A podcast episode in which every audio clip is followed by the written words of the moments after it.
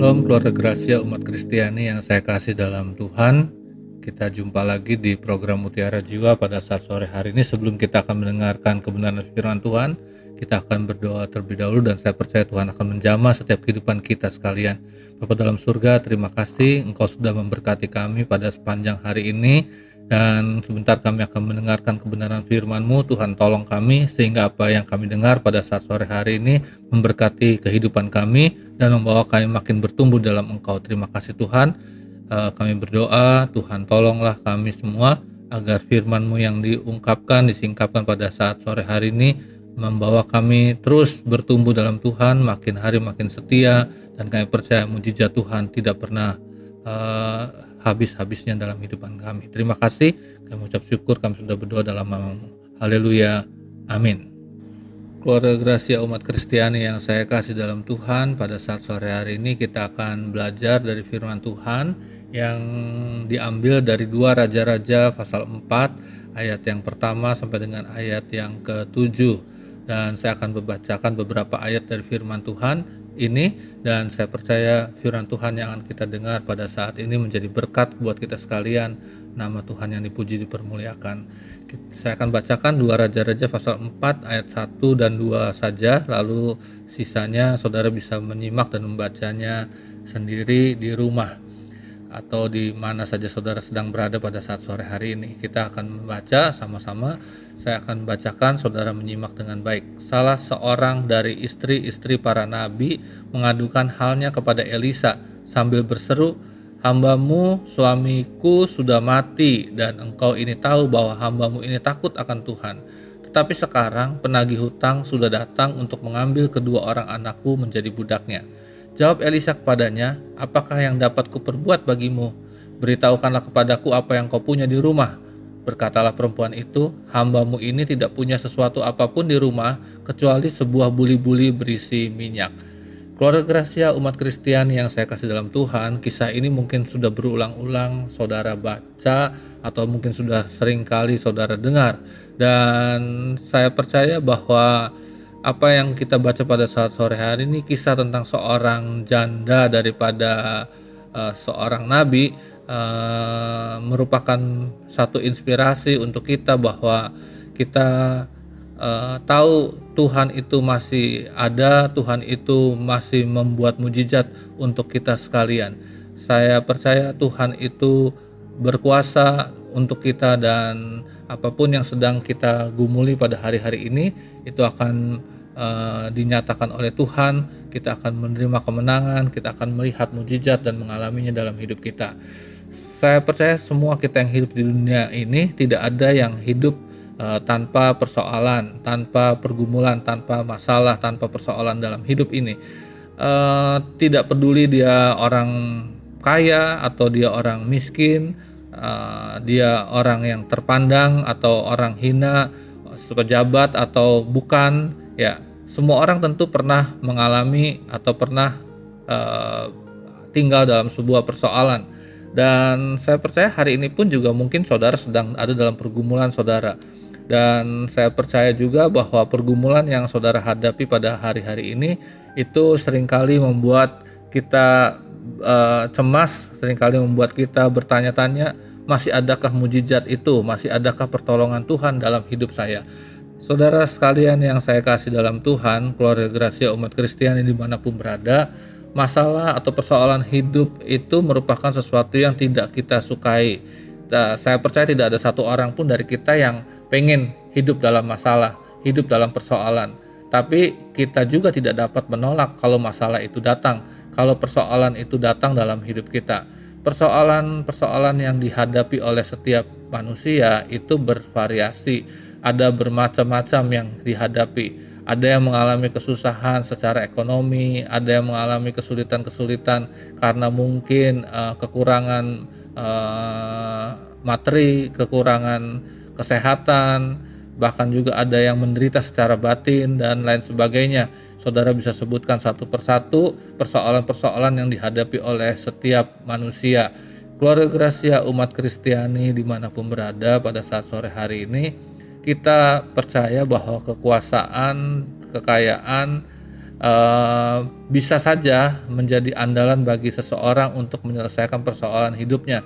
Tetapi yang saya mau beritahukan kepada keluarga Gracia umat Kristiani di mana pun berada, sekaya-kayanya kita, sekaya-kayanya saudara, seberkuasanya, sehebat-hebatnya saudara punya power, uh, saya percaya semuanya itu terbatas. Tidak ada yang uh, sempurna suatu waktu kita akan mengalami atau kita akan menemui kenyataan bahwa apa yang kita miliki itu tidak dapat menolong kita, tidak dapat menjawab persoalan-persoalan kita.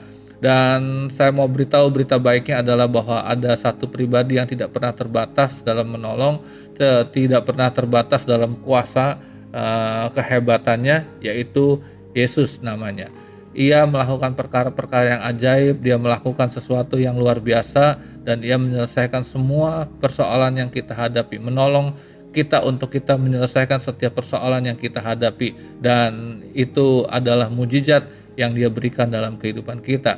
Nah, pada saat sore hari ini tadi kita sudah membaca dalam firman Tuhan bahwa ada kisah ya tentang seorang janda ya istri daripada nabi yang suaminya meninggal dan kita di sana melihat bahwa uh, wanita ini, janda ini dia terlibat dengan hutang ya, dengan hutang yang mungkin sangat besar sehingga apa? Sehingga penagih hutang datang untuk mengambil paksa anak-anaknya untuk dijadikan budak, untuk dijadikan uh, ya budak ya budak.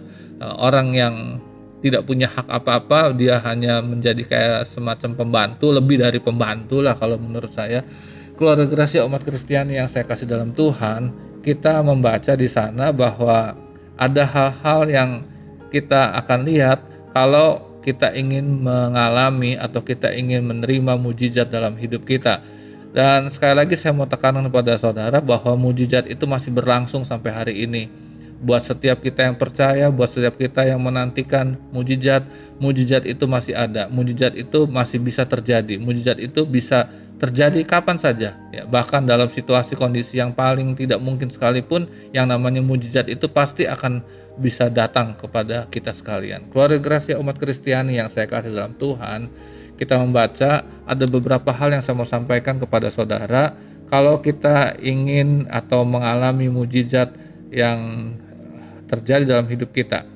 Firman Tuhan memberitahu kepada kita yang pertama adalah di dalam ayat yang ke-1 di situ dikatakan salah seorang dari istri-istri para nabi ya istri nabi mengadukan kepada mengadukan halnya kepada Elisa sambil berseru hambamu suamiku sudah mati dan engkau ini tahu bahwa hambamu ini takut akan Tuhan.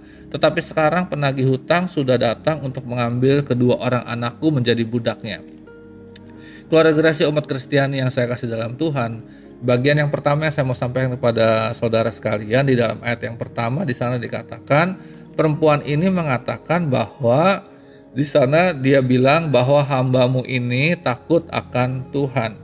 Keluarga Gracia umat Kristiani yang saya kasih dalam Tuhan, janda tersebut adalah istri dari seorang nabi dan dia juga mengakui bahwa dia adalah seorang yang takut akan Tuhan, seorang yang menghormati Tuhan. Nah, hal ini merupakan langkah yang sangat penting atau yang menjadi dasar untuk kita mengalami mujizat dalam hidup kita, untuk kita uh, melihat mujizat itu terjadi dalam kehidupan kita. Keluarga Gracia umat Kristiani yang saya kasih dalam Tuhan, seberapa beratnya uh, beban yang saudara sedang hadapi, sedang saudara pikul. Saya percaya kalau kita takut kepada Tuhan, kita menghormati Tuhan, cepat atau lambat mujizat itu pasti terjadi dalam hidup kita sekalian. Sekalipun sebenarnya sebagai seorang istri dari hamba Tuhan, ya kita melihat di sana hidup takut kepada Tuhan, cuma kita membaca di sana dikatakan dia itu punya hutang, suaminya itu punya hutang sangat banyak. Keluarga rahasia umat Kristiani yang saya kasih dalam Tuhan, seharusnya uh, sebagai seorang hamba Tuhan tidak perlu uh, berhutang. Dia harus berharap kepada Tuhan. Apalagi dia mengatakan bahwa dia adalah orang yang takut kepada Tuhan. Dia orang yang sangat menghormati Tuhan. Kalau keluarga rahasia umat Kristiani membaca dalam uh, kitab Mazmur pasal 34 ayat yang ke-10, di sana dikatakan takutlah akan Tuhan, hai orang-orangnya yang kudus, sebab tidak berkekurangan orang yang takut akan Dia. Keluarga rahasia umat Kristiani yang saya kasih dalam Tuhan, di sana dikatakan tidak berkekurangan orang yang takut akan Dia. Seharusnya orang yang takut kepada Tuhan, orang yang menghormati Tuhan, itu hidupnya tidak berkekurangan saya tidak bilang uh, orang yang takut kepada Tuhan itu akan hidup kaya raya. Tapi firman Tuhan memberitahu kepada kita, orang yang takut kepada Tuhan itu hidupnya tidak berkekurangan. Cukup setiap hari tidak kekurangan. Bahkan sepanjang bulan, sepanjang tahun yang dijalani, Tuhan buat orang-orang yang takut akan Tuhan itu mengalami kehidupan yang cukup tidak berkekurangan dan saya tidak, belum pernah melihat orang-orang yang sungguh-sungguh yang sungguh-sungguh percaya kepada Tuhan itu hidupnya berkekurangan. Saya juga belum pernah melihat orang yang sungguh-sungguh takut kepada Tuhan hidupnya menjadi pengemis, hidupnya meminta-minta. Tetapi saya melihat bahwa orang yang takut kepada Tuhan hidupnya tidak berkekurangan. Tuhan yang mencukupkan, Tuhan yang mengadakan di saat-saat orang yang takut kepada Tuhan, orang-orang yang percaya kepada Tuhan, mengalami sesuatu yang tidak baik, Tuhan yang mencukupkannya. Kalau ada di antara saudara sekalian yang mendengarkan program Mutiara Jiwa pada hari ini, mungkin sedang kekurangan dana, mungkin sedang kekurangan kesehatan, mungkin sedang kekurangan damai sejahtera, apa pun itu yang namanya atau bentuk-bentuk dari kekurangan. Tapi saya mau bilang sama saudara sekalian bahwa orang yang takut kepada Tuhan akan dibuat Tuhan tidak berkekurangan. Selanjutnya kita membaca dalam Amsal pasal 14 ayat 26 di sana dikatakan dalam takut akan Tuhan ada ketentraman yang besar, bahkan ada perlindungan bagi anak-anaknya. Apa pun yang sedang saudara gumuli pada hari-hari ini, mungkin banyak kekhawatiran yang sedang saudara hadapi di masa-masa yang tidak menentu seperti sekarang ini, mungkin saudara sedang berpikir bagaimana dengan anak-anak saudara, bagaimana dengan kehidupan saudara di masa yang akan datang. Saya mau katakan dengan menjamin dari firman Tuhan, orang yang hidup takut kepada Tuhan, orang yang menghormati Tuhan, di sini dikatakan ada ketentraman yang besar. Anak-anaknya dilindungi oleh Tuhan. Hari ini uh, engkau serahkan hidupmu kepada Tuhan, serahkan hidup anak-anakmu kepada Tuhan dan belajarlah untuk hidup takut di dalam takut eh, hidup dalam takut akan Tuhan, hidup dalam menghormati Tuhan dengan sungguh-sungguh. Dan saya percaya Tuhan yang menjamin kehidupanmu, kehidupan anak-anakmu, kehidupan keluargamu. Tuhan yang memberikan perlindungan dan ketentraman untuk saudara sekalian. Ada mujizat yang terjadi di tengah-tengah kita sekalian. Orang yang takut akan Tuhan akan mengalami hidup yang penuh dengan mujizat Tuhan keluarga Gracia umat Kristiani yang saya kasih dalam Tuhan, bagian yang kedua yang saya mau bacakan kepada saudara sekalian, di sana dikatakan di dalam ayat yang pertama, di sana dikatakan salah seorang dari istri-istri para nabi mengadukan halnya kepada Elisa, mengadukan halnya kepada Elisa sambil berseru. Di sana dikatakan bahwa yang kedua, untuk kita dapat melihat, mengalami mujizat dalam hidup kita, ya dalam menyelesaikan setiap persoalan kita maka bukan hanya hidup dalam takut akan Tuhan, hidup dalam takut menghormati ya dalam takut akan Tuhan, menghormati Tuhan, tapi juga kita membaca di sana untuk mengalami mujizat dalam hidup kita, maka kita perlu memohon pertolongan kepada Tuhan. Banyak orang tidak berani datang kepada Tuhan dan minta kepada Tuhan. Saya pernah mendengar ada orang-orang yang malu datang kepada Tuhan untuk minta pertolongan dari Tuhan. Saya mau bilang kepada saudara sekalian berita baiknya Tuhan senang dimintain tolong. Hari ini apa yang menjadi pergumulan saudara? Ya, janda ini percaya kepada Tuhan bahwa Tuhan pasti Tuhan sanggup menolong dia. Dia tahu di sini ada seorang hamba Tuhan yang bernama Elisa dan dia juga menyadari bahwa ia harus membawa persoalannya ini kepada Tuhan. Dia datang kepada Elisa, dia bercerita, dia berseru kepada Tuhan, dia uh, ceritakan semua masalahnya kepada Elisa dan firman Tuhan memberitahu kepada kita Elisa mendengar apa yang diceritakan oleh uh, sang janda ini. Keluarga rahasia umat Kristiani yang saya kasih dalam Tuhan, di dalam Yakobus pasal 5 ayat 14 sampai dengan 16 di sana dikatakan kalau ada seorang di antara kamu yang sakit baiklah ia memanggil para penatua jemaat supaya mereka mendoakan dia dan mengoles dengan minyak dalam nama Tuhan dan doa yang lahir dari iman akan menyelamatkan orang sakit itu. Dan Tuhan akan membangunkan dia. Dan jika ia telah berbuat dosa maka dosanya itu akan diampuni. Karena itu hendaklah kamu saling mengaku dosamu dan saling mendoakan supaya kamu sembuh. Doa orang yang benar bila dengan yakin didoakan sangat besar kuasanya. Keluarga Gracia umat Kristiani yang saya kasih dalam Tuhan hamba Tuhan ya hamba Tuhan merupakan uh, alat Tuhan, ya. Alat Tuhan, tangan Tuhan yang diberi kuasa untuk melakukan perkara-perkara yang ajaib untuk memuliakan nama Tuhan. Saudara nanti bisa baca dalam Injil Lukas pasal 9, dalam Injil Lukas pasal 10, di sana kita melihat Tuhan itu sangat luar biasa. Keluarga Gracia umat Kristiani yang saya kasih dalam Tuhan, firman Tuhan beritahu kepada kita bahwa ada mujizat ya. Yesus melakukan banyak mujizat dan Tuhan juga melakukan mujizat-mujizat yang sangat luar biasa dalam kehidupan setiap orang yang sungguh-sungguh percaya kepadanya, yang sungguh-sungguh meminta tolong kepada Tuhan. Hari ini apa yang menjadi pergumulanmu? Sudahkah engkau meminta tolong kepada Tuhan atas setiap pergumulanmu, atas setiap persoalanmu, atas setiap kekurangan yang sedang engkau hadapi? Hari ini ada sangat banyak pertolongan Tuhan yang disediakan untuk kita sekalian Tuhan rindu menolong kita, Tuhan rindu mengadakan mujizatnya dalam kehidupan kita. Apa pun yang sedang kau hadapi, mujizat itu masih ada dan mujizat itu pasti terjadi dalam hidupmu, dalam hidup kita sekalian. Yang perlu dalam hidup ini adalah kita meminta tolong. Kita perlu kerendahan hati untuk minta tolong. Saudara sekalian, jangan gengsi minta tolong sama Tuhan. Jangan jangan malu-malu minta tolong sama Tuhan. Minta Tuhan tolong saudara sekalian menghadapi melewati persoalan-persoalan yang sedang saudara gumuli. Pasti ada mujizat Tuhan pasti ada sesuatu yang Tuhan mau buat dalam diri saudara dalam diri kita sekalian. Tuhan tidak berubah kasihnya tetap sama dulu sekarang dan sampai selama-lamanya. Itu sebabnya jangan takut jangan malu karena Tuhan itu tangannya tidak kurang panjang untuk menolong kita.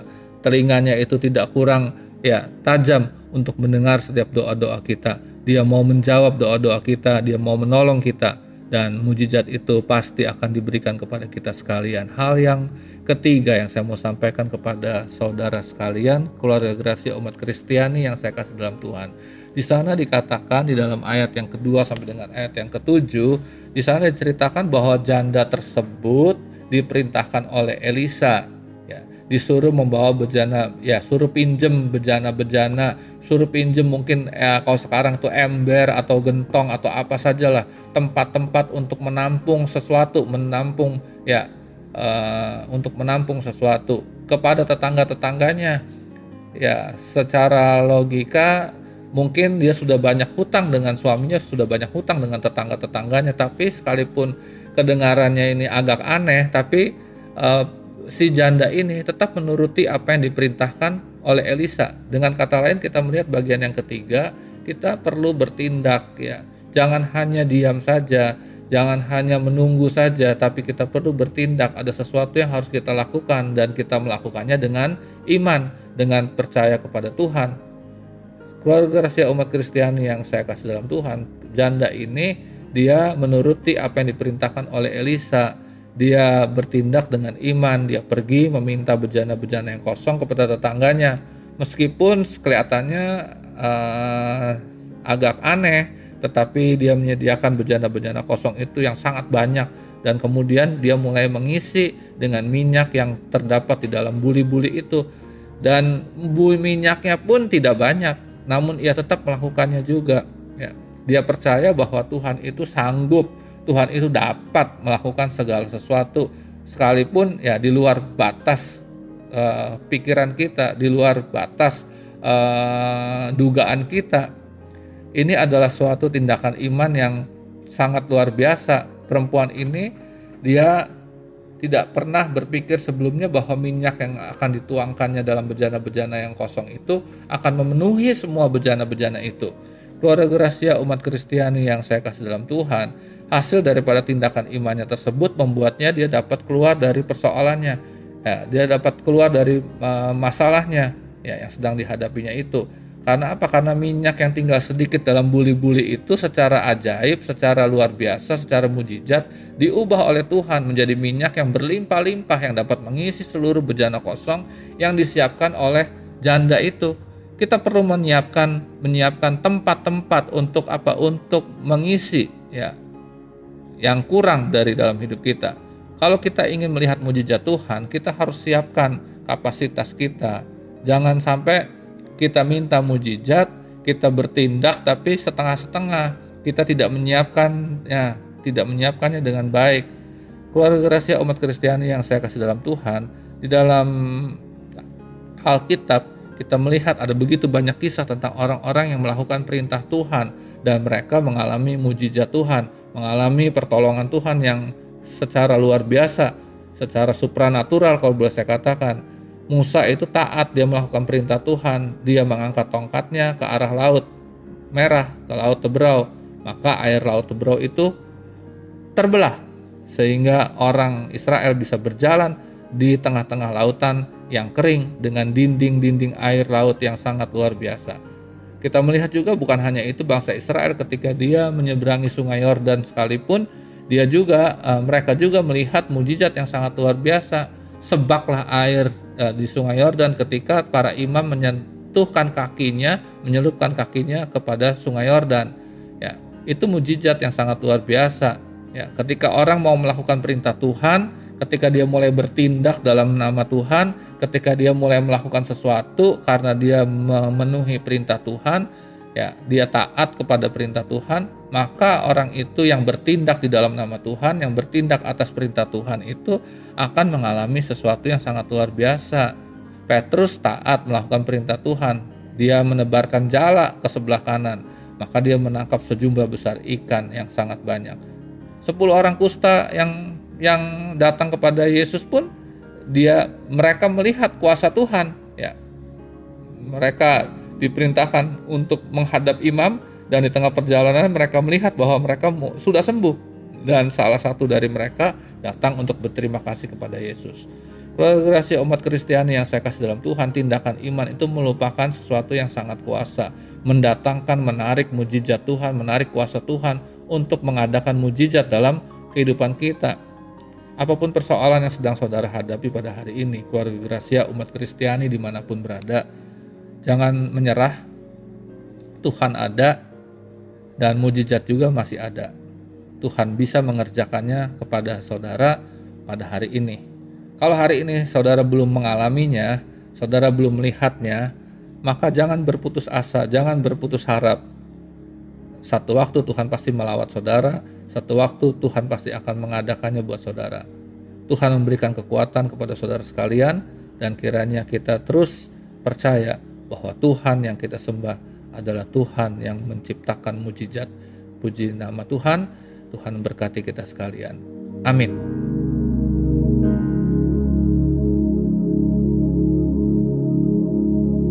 Keluarga Gracia umat Kristiani yang saya kasih dalam Tuhan, di akhir daripada program Mutiara Jiwa kita akan kembali berdoa dan saya percaya mujizat itu pasti terjadi, mujizat itu masih ada dan saya percaya mujizat juga akan datang kepada uh, saudara sekalian yang membutuhkan dan memerlukan uh, uluran tangan daripada Tuhan. Kita akan berdoa, Bapa dalam surga, kami mengucap syukur, kami percaya, kami mendengar bahwa mujizat masih ada, mujizat itu pasti terjadi dan kami percaya bahwa mujizat Tuhan itu juga akan terjadi dalam hidup kami. Tuhan kami berdoa pada saat uh, sore hari ini, berdoa buat mereka yang sakit, Tuhan jamah, Tuhan sembuhkan, beri kuat sehat, buat mereka. Kami berdoa buat mereka yang mengalami kelemahan, Tuhan berikan kekuatan. Buat mereka yang sedang menghadapi pergumulan, Tuhan nyatakan kuasamu, menyatakan kemenanganmu, dan biarlah mereka boleh makin hari makin uh, mengalami Tuhan dalam hidup mereka. Kami berdoa juga pada saat sore hari ini, apa pun yang sedang mereka hadapi pada hari-hari doa-doa yang sedang mereka naikkan kepada Tuhan, kiranya Tuhan menjadi jawaban buat mereka sekalian. Terima kasih. Kami berdoa buat Radio Suara Gracia, Tuhan berkati. Dari mimbar ini Tuhan berkati semua hamba-hamba Tuhan yang melayani firman-Mu. Uh, Tuhan juga berkati. Terima kasih banyak Tuhan. Kami mengucap syukur berkati semua pengurus Radio Suara Gracia. Terima kasih. Kami mengucap syukur. Kami alaskan doa kami hanya dalam nama-Mu saja. Haleluya. Amin.